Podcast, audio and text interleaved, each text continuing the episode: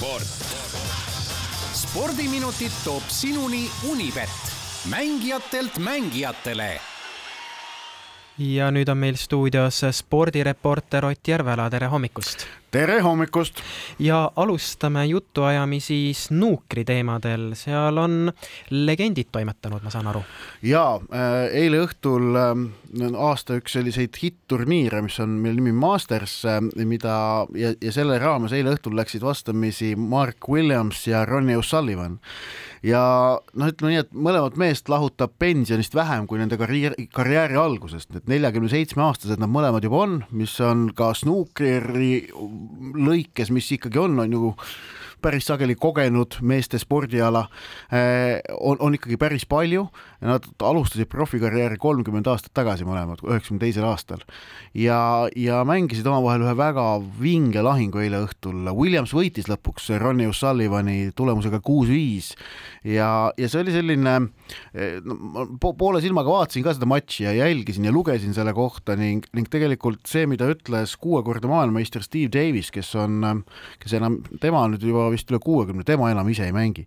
noh, napilt, napilt, napilt liiga vana, aga ta on BBC-s selle snuukri ekspertkommentaator ja, ja rõhutas just, et sääraseid duelle tuleb äh, nautida, et tuleb publikul nautida ja iga kord, kui äh, noh, põhimõtteliselt, aga, aga see tema mõttekäik on tegelikult projitseeritav snuukrist igale poole mujale ka tippsporti, et kui säärane ähm, kahe suure äh, loo kokkusaamine mingis võistluskeskkonnas aset leiab, nagu need Williams ja O'Sullivan mõlemad mitmekordsed maailmameistrid, et siis, siis sääraseid hetki tasub nautida ja meenutada ka seda kõike ühist minevikku, mis neil kahel mehel on ja mida, mida on väga palju, nii et oli selle, selline no kuidas öelda, väga romantiline snuukriõhtu eile. no legendid ikkagi. ja need pallid, pallid veeresid mööda rohelist Kalevit kohe eriti armsal moel mm. -hmm no kahju, et mul jäi vaatamata see, mulle väga muidu meeldib, kuidas pallid rohelisel laual veerevad rahulikult ja keegi ei karju. jah just. aga korvpallis äh, tehakse kisa küll, vilistatakse ja paugutatakse palliga, mis hirmus. korvpalli Euroliigas äh, on äh, Maicel Kotsari koduklubi mäng.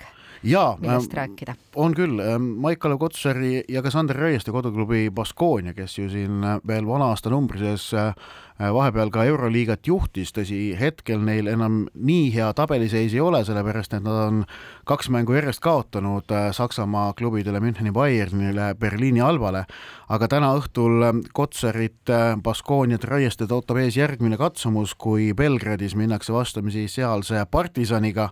Unibeti koefitsientide järgi on partisan selle kohtumise selline noh, kuuskümmend viis, kolmkümmend viis soosik aga õhtul kakskümmend üks kolmkümmend selline, selline mäng aset leiab, nii et äh, Eesti parim korvpallur Euroopa parimas liigas müttamas, no nendes Euroliiga mängudes viimases kahes Kotsari punktisaak ei ole nüüd teab mis äh, suur olnud, noh, aga, aga eks see hooaeg ole ka pikk ja selle lõikes iga mängija roll seal meeskonna sees, sellise, eriti sellises tippmeeskonnas äh, natukene ka muutub ja, ja need koormused ka muutuvad, et kord saavad ühed rohkem vastutust jälle teisel hetkel jälle teised, nii et et täna õhtul jaa, korvpalli Eesti parima korvpalluri osalusel on oodata aga suundume korvpallimaailmast hoopis käsipallimaailma seetõttu, et kolmapäeval algasid käsipalli maailmameistrivõistlused. sa vaatasid ka ju? Poola-Prantsusmaa mängu. kuidas ei... nii? No nad jäi sel korral vahele käsipalli mängu vaatamine taas, aga Ott, mida käsipalli maailmameistrivõistlustelt oodata on, kas keegi pikka Euroopale võistlust, vastu saab? pikka võistlust äh, kestavad kahekümne üheksanda jaanuarini. see kipub selle maailmameistrivõistluste viga küll olema, et õudselt pikaks äh, venivad. nojah, aga, aga sa, sa vihjad ka maa, jalgpalli maailmameistrivõistlustele onju, aga selle nimi on maailmameistrivõistlused mm, -hmm. mis tähendab, et äh, eeldavad kõik maailma otsad, et nad on seal moel või teisel esindatud ning see tähendabki, et tulebki kokku tuua ikkagi selline kriitiline mass, et see nimi maailmameistrivõistlused ka tegelikult sisu omaks. Ning see omakorda tähendab, kui on palju võistkondi, siis on, on, on see võistlus kestabki kauem, et et sellist otse väljalangemissüsteemi ju ei rakendata, et ühe kaotusega koju, sellepärast et siis ei teki seda turniiri tunnet, ei teki vaimustust ja, ja huvi selle spordiala vastu, mis on ka üks põhjus, miks üldse neid tiitlivõistlusi korraldatakse, et sellega selle spordiala sisemist tugevust kasvatada, et, et jah, noh, praegu see, vaatasin, mis seal on, mingi Alžeeria käsipallikoondis, no läheb sinna MM-ile, ega neil teab mis suuri lootusi ei ole või Tšiili omal ka, et ja, ja nad ei saa Euroopale vastu, et noh, Euroopa lööb laua puhtaks seal niikuinii. käsipall on väga Euroopa keskne spordiala.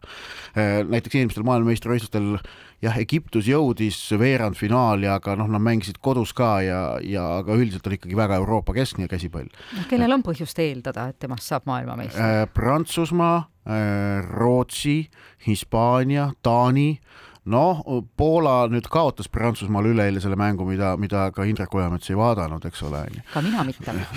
jah, no ka sina mitte jah, no vot, no siis meil on praegu stuudios, ma olen vähemuses, mina mm -hmm. vaatasin et, et eks siin Põhja-Euroopa, Rootsi, Taani on, on kahtlemata soosikud, eh, aga ka, aga ka jah, Prantsusmaa ja Hispaania.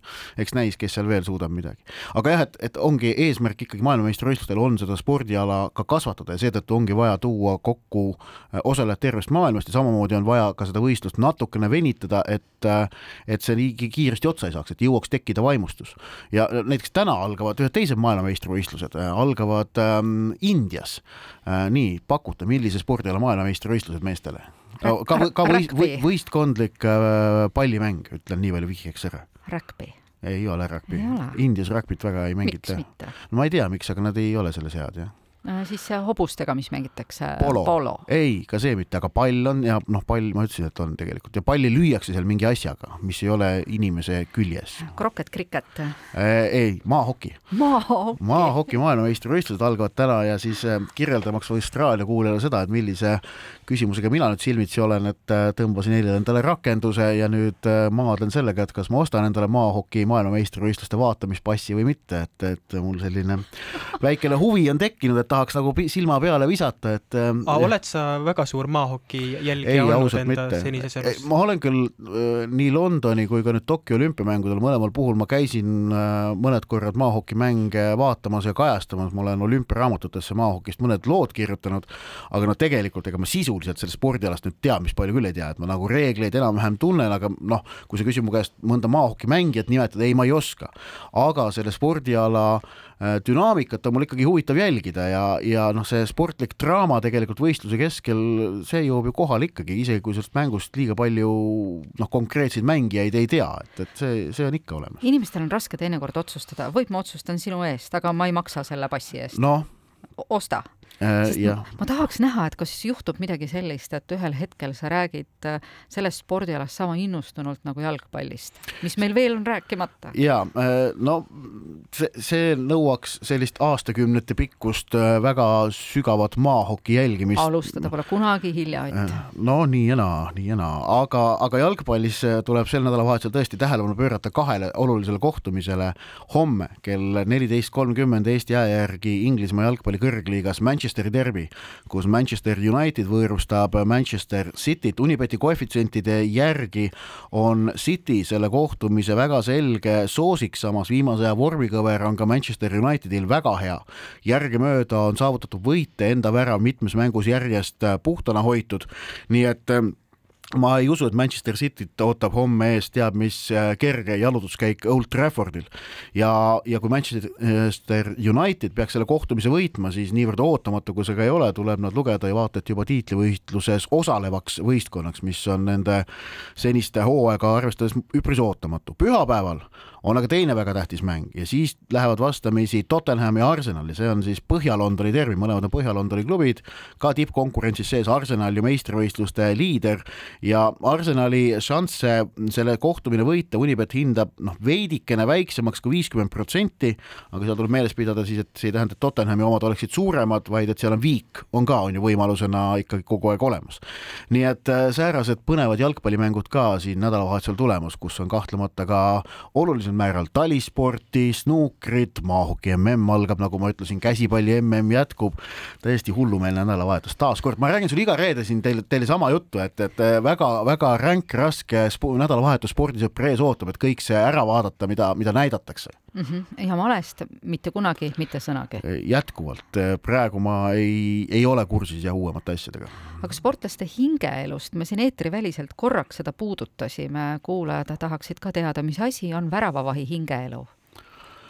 Väravahil, ei noh, hingeelu no,. Värav... sa oled ametiühingute liige, ma saan aru, väravavahtide ametiühingute liige? ametiühingu. ametiühingu liige, vabandust. jaa, olen küll jah, sest et ma olen, kui, kui ma mingit sport sporti ise praktiseerin, kus väravvaht on, siis ma seal väravas ka seisan, et see on lapsest saati nii olnud, nii et väravvahti ametiühingu liikmeks ma ennast nimetan küll. kas seal on miski, mis ühendab kõiki erinevate alade väravavahte? jaa, me tahame, me tahame kõigile, ütleme, kõigile vastasmängijate tuju ära rikkuda ja üldse ka inimestele ikkagi noh, kuidas öelda, rõõmu ära võtta, sellepärast enamasti inimesed tahavad vaadata mänge, kus väravaid saavutatakse või väravate saavutamine on eesmärk ju sellepärast, et väravaid näha. aga meie kui väravavahtide eesmärk on inimestelt see rõõm ära ära võtta ja need väravad ära jätta. Äh, noh, tõsi, enda võistkonna omadele muidugi aitame kaasa, aga vastasvõistkond võtame ära. ei, aga, aga noh, see on siis natuke naljaga pooleks, et tõsiselt rääkides, siis väravahi positsiooni kõige ägedam osa on see vastutus, et sa tead, et kellelegi teisele loota ei saa, sellepärast et sinu selja taga on värav ja seal ühtegi kaaslast enam abiks ei ole. oma kehaga kaitsta mänguilu ma ei tea, kas on mänguilu, aga, aga jah, see on, see on äge, see on äge, väravas seista on äge. spordireporter Ott Järvela, suur aitäh sulle tulemast Kuku raadiosse sport. spordiminutid toob sinuni Unibet, mängijatelt mängijatele